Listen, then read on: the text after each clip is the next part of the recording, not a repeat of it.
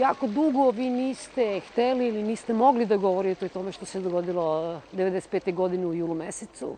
Zašto ste se predomislili?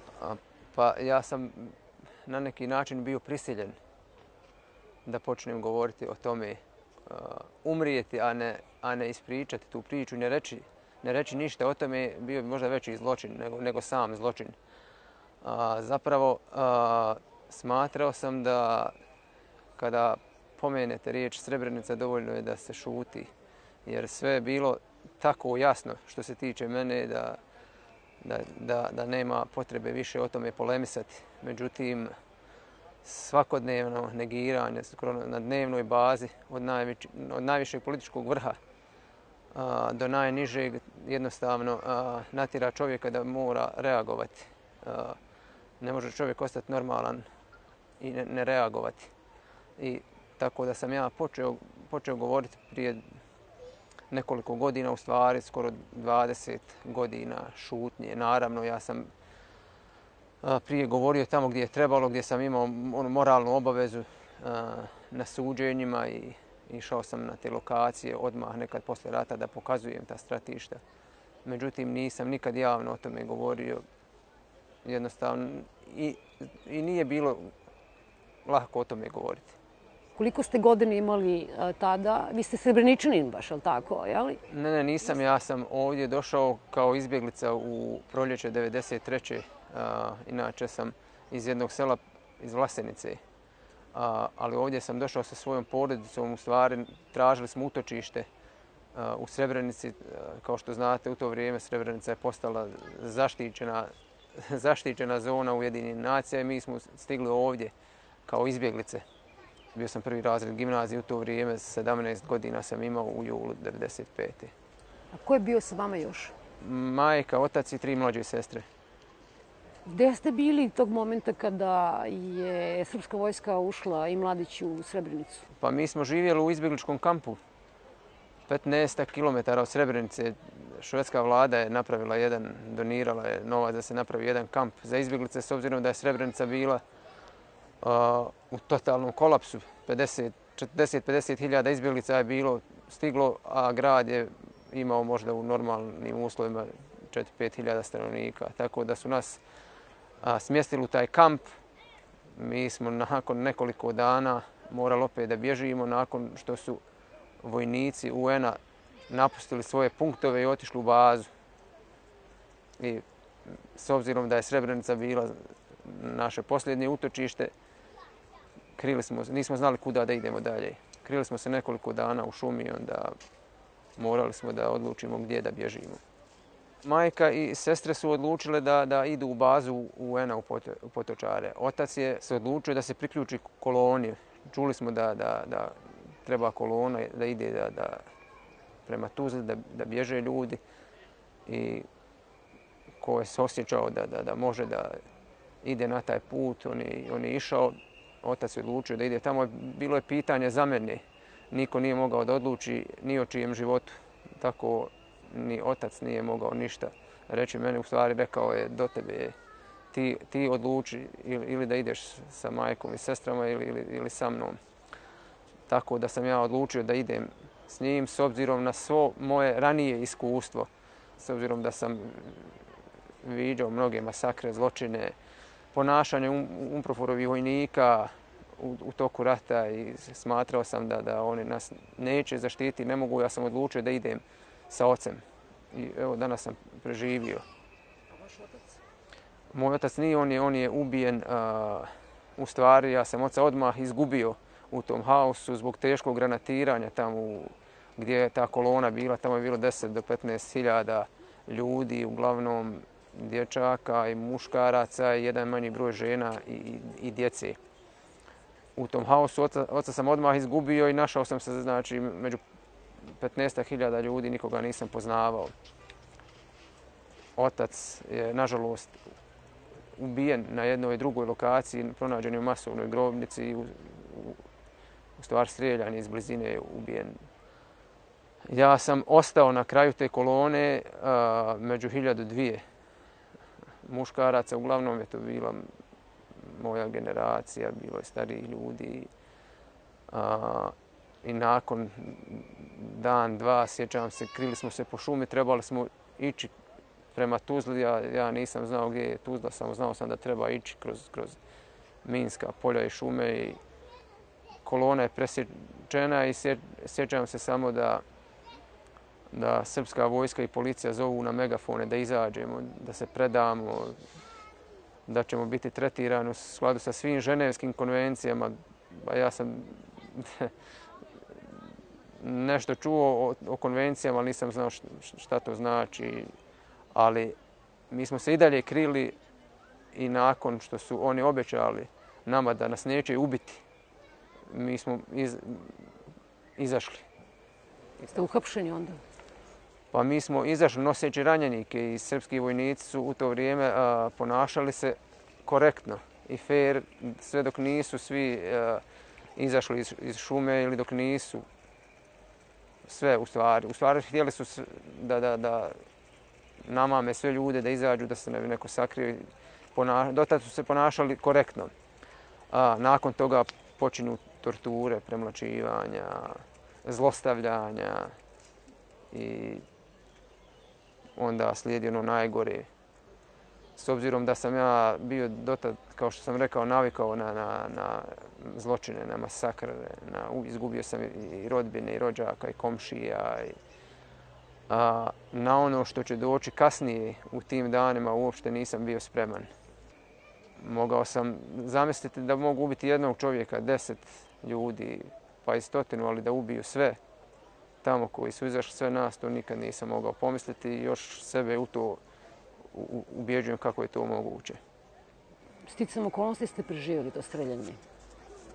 Ta, tako nekako, kada pita neko kako se spasio, je, ja kažem, ne znam, Bog me spasio, kako sam se spasio, jer nije, nije bilo moguće preživjeti u tim trenucima s obzirom na, na, na, na, na broj vojnika, na, da smo bili povezani, da smo bili doveden na, na to masovno stratište tamo i jednostavno bio sam pogođen u, u stomak, u ruku, u stopalo i jednostavno nisam nikad ni pomislio da bi mogao preživjeti. A gdje je lokacija to bilo?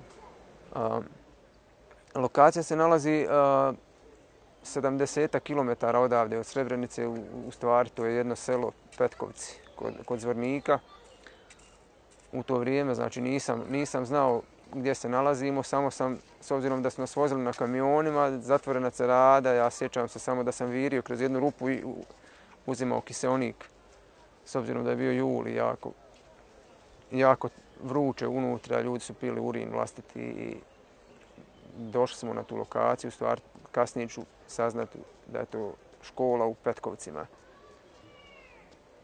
sjećam se razgovora ljudi na kamionu dok su nas vozili, s obzirom da, da prije toga vojnici su i na livadi dok smo bili. Jedan od vojnika, vjerovatno njihov komandant, je a, rekao da se ne bojimo, da, da nas neće ubiti, da ćemo biti sa svojim porodicama u narednim danima, da nećemo imati ve večeru kad budemo zatvoreni u hangar, smješteni u hangare u Bratunac. Međutim, osjetio se sarkazam ironije u njegovom glasu. On je znao sigurno za našu sudbinu. Naravno, mi nismo bili svjesni. I sjećam se razgovora ljudi a, i svi su govorili, vjerovatno nas vode prema, voze prema Tuzli da nas predaju našim porodicama ili, ili u Batkoviću, u logor, što je bilo i logično. A, govorili su pa da su nas htjeli ubiti, to su mogli odmah učiniti, nema potrebe da nas voze, međutim oni su imali plan za ubijanje i sve je bilo spremno, sve je čekalo spremno. Gospodine Radić, koga ste vi izgubili u, u ratu tada? Sve. Pa izgubio sam, ja ne volim da kažem izgubio jer nisam izgubio, nego oni su ubijeni. A, moj otac je ubijen. Moj Amidža je sa mnom bio u školi, on je ubijen. A, moj moja dva dajđa, znači od moje majke dva brata su ubijena. Njihov sin. Moja tetka je izgubila muža i tri sina su. I još mnoga bliža i dalja, daljna rodbina. I komšije. I naravno, svi oni koji su odlučili, neki moji rođaci, govorimo o muškim rođacima, odlučili su da dođu ovdje sa, sa mojom majkom i sestrama u, u bazu. A, oni su odvojeni i ubijeni su na, jednim, na drugim lokacijama. Tako da a, potpuno je svejedno bilo da li odlučili se da, da idemo preko šume, da bježimo prema Tuzli, da tražimo spas, da li odlučili da dolazimo ovdje u bazu UN-a, da li odlučili da, da preplivamo Drinu, da tražimo utočište u Srbiji, bilo je potpuno svejedno. Znači imali smo jedno, jedno pravo, jedino pravo u stvari da budemo ubijeni, to je tako bilo. Pa, na primjer, sa mnom je bilo puno mojih školskih drugova, profesora i nastavnika koji su zajedno streljani bez izuzetka. A, neki profesori su došli ovdje u bazu ena i ubijeni su. Dvojica mojih profesora su preživjeli sva ta masovna ubijanja i e, negdje do 29. jula su se negdje krili i prešli su u Srbiju i vraćeni su srpskim vlastima s ove strane Drine gdje su, gdje su završili u masovnim grobnicama. Tako da je potpuno svejedno bilo. Nedavno u Srebrenici, a pre neki dan i u Vlasenici je promovisana jedna knjiga. Sad vi ste jednog momenta u Srebrenici smogli snagi da se obratite tim ljudima koji su došli da promovišu tu knjigu, a ta knjiga je, uzgri budi rečeno, kažu osnova za ovu komisiju koju Republika Srpska namerava da napravi, komisiju u stvari za negiranje genocida. Prije nego što kažem nešto o, o tome, reću da prije svega to je sramota za, za, za srpski narod. S obzirom da, da je Srebrenica njihov problem i problem njihove djece. Znači, a, definitivno i, i, i je jako žao što, što dalje guraju tu djecu u, u, u, u zabludu. Umjesto da se prihvati da se prihvate činjenice, da se, da se prihvate presude i da se ponašaju, ponaša u skladu s tim, a, nastavlja se dalje negiranje i veličanje zločinaca, što je, što je, što je sramota, jedna ogromna, ogromna, ogromna sramota. Da se vratim sad na tu promociju, ja sam a, vidio plakate jednog dana u gradu i s nekoliko mojih prijatelja u, odlučili smo da odemo tamo.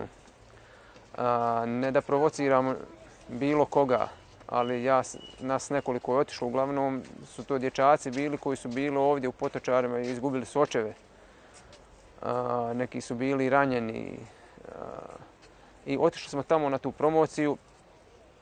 Slušao sam izlaganje i moram priznati da, da mi se utroba moja prevrtala. Jednostavno na kraju sam morao, morao reagovati tražeći da, a, da dobijem riječ u početku nije to išlo baš i, i na kraju su mi dozvolili. I naravno na kraju ja sam uh, predstavio se ko sam, šta sam i, i onda sam ja počeo da govorim. Počela su dobacivanja, negodovanja, onda je načelnik uh, i predsjednik SNSD-a Pavlović, načelnik Grujičić ustali su odbranu uh, autora. Tamo su bili i, i predstavnici pravoslavne crkve, to, to je sramota. Ja sam rekao, pa pa ka, kako vas nije sramota da dođete ovdje, zašto trujete, o Srbima se obraćam, poslušajte me dobro. Znate vi svi šta, šta se ovdje dešavalo? Što dozvoljavate da dolaze da, da, da, da, da truju vašu djecu? Evo, ne morate mene slušati, ja sam direktna žrtva genocida, ja sam kao 17-godišnji dječak odveden i strijeljan. Ubijeni su moji rođaci, profesori koji su možda mnogi vama bilo ovdje nastavio sam govoriti i onda počelo se dobacivanja. Jedan a, poštar koji poznajem ustao i rekao, ali vidite, tu iza vas u publici ima jedan čovjek kojeg, ko, kome su muslimani zaklali sestru. A ja sam rekao, pa nije problem, ja sam došao da slušam, ja sam mislio da ćete vi govoriti o vašim žrtvama. Ja sam došao da, da čujem vašu stranu priče, ali vi nijednog momenta niste o tome govorili. U stvari, samo govorili ste o našim žrtvama i negirate naše žrtve i nastavljate da nas vrijeđate. Zašto vam to treba? Znate, dobro govorite da, da, da, da, da, da je vojska Srpske odigrala jednu časnu ulogu ovdje i, i govorite o, o tim časnim vojnicima, a niste ni jednom riječu spominjali kakve su one odluke donosili, šta, šta, su, šta su radili. S obzirom da je Srebrenica u vojnom smislu bila poražena, zašto ste nas poubijali? Navedite jedan opravdan razlog zašto ste to uradili. Na kraju je time promocija i završena uz negodovanje Ja sam spominjao i svoje profesore i, i svoju rodbinu i rekao sam, od, eto, ne morate mene slušati, odite tamo u, u to srpsko selo, pitajte lokalne Srbe šta, šta se tamo dešavalo. Pitajte njih, eto, molim vas, odite, ali molim vas, nemojte više širiti propagandu i trovati svoju djecu. I samo dovoljna je jedna rečenica u koju je autor spominjao, u stvari ovako je rekao, nekako parafraziram, a, odnos a, srpske vojske u, u Potočarima prema bošnjačkoj muslimanskoj populaciji jedan je od najsvjetlijih primjera u, u proteklom, proteklom ratu, iako ti bosanski muslimani nisu to ničim zaslužili. Moramo da kažemo a, i radi naše dece, iako je veliki broj muslimana ubijen u konfrontaciji sa, sa srpskom vojskom, veliki broj njih je a, izginuo u međusobnim među, međusobnim borbama ali radi naše dece moramo spomenuti da je bio jedan broj manji ubistava, ali ta ubistva nemaju veze sa mladićem i sa, i sa na, našim časnim generalima. Taj manji broj je ubijen iz, iz osvete, iz osvete e, zbog toga što su, što su ti ljudi ubili, e, ubijali prije toga Srbe. I dovoljno je bilo to čuti, ali to je samo dio, naravno, Ali mislim da je značajno da to nije obskurno predstavljanje knjige, nego da se to dešava u Srebrenici i da tome prisustuju a, rukovedeće strukture grada Srebrenice. To je najveći problem. Ne radi se, to, ne radi se tu o pojedincima koji su došli da, da promovišu neku knjigu. Toga će uvijek biti, mislim, da se, da se razumijemo. Ali problem je e, podrška e, načelnika, tamo je bio znači direktor škole, načelnik, e, predstavnici crkve i zamislite, zamislite vi to, zamislite direktor škole, pa za dvije godine on će tamo dovesti nekog možda ratnog, presuđenog ratnog zločinca da drži časove tamo moj, moj, mojoj djeci. Pa zamislite, zamislite tu situaciju. I to je problem.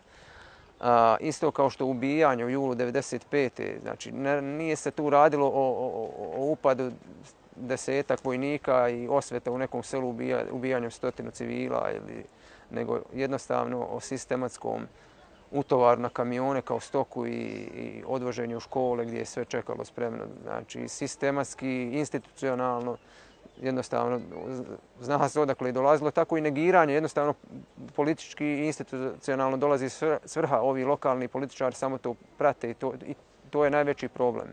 Jasno. Hvala na razgovoru. Hvala vam što se nas primili. Hvala i vama, molim lijepo.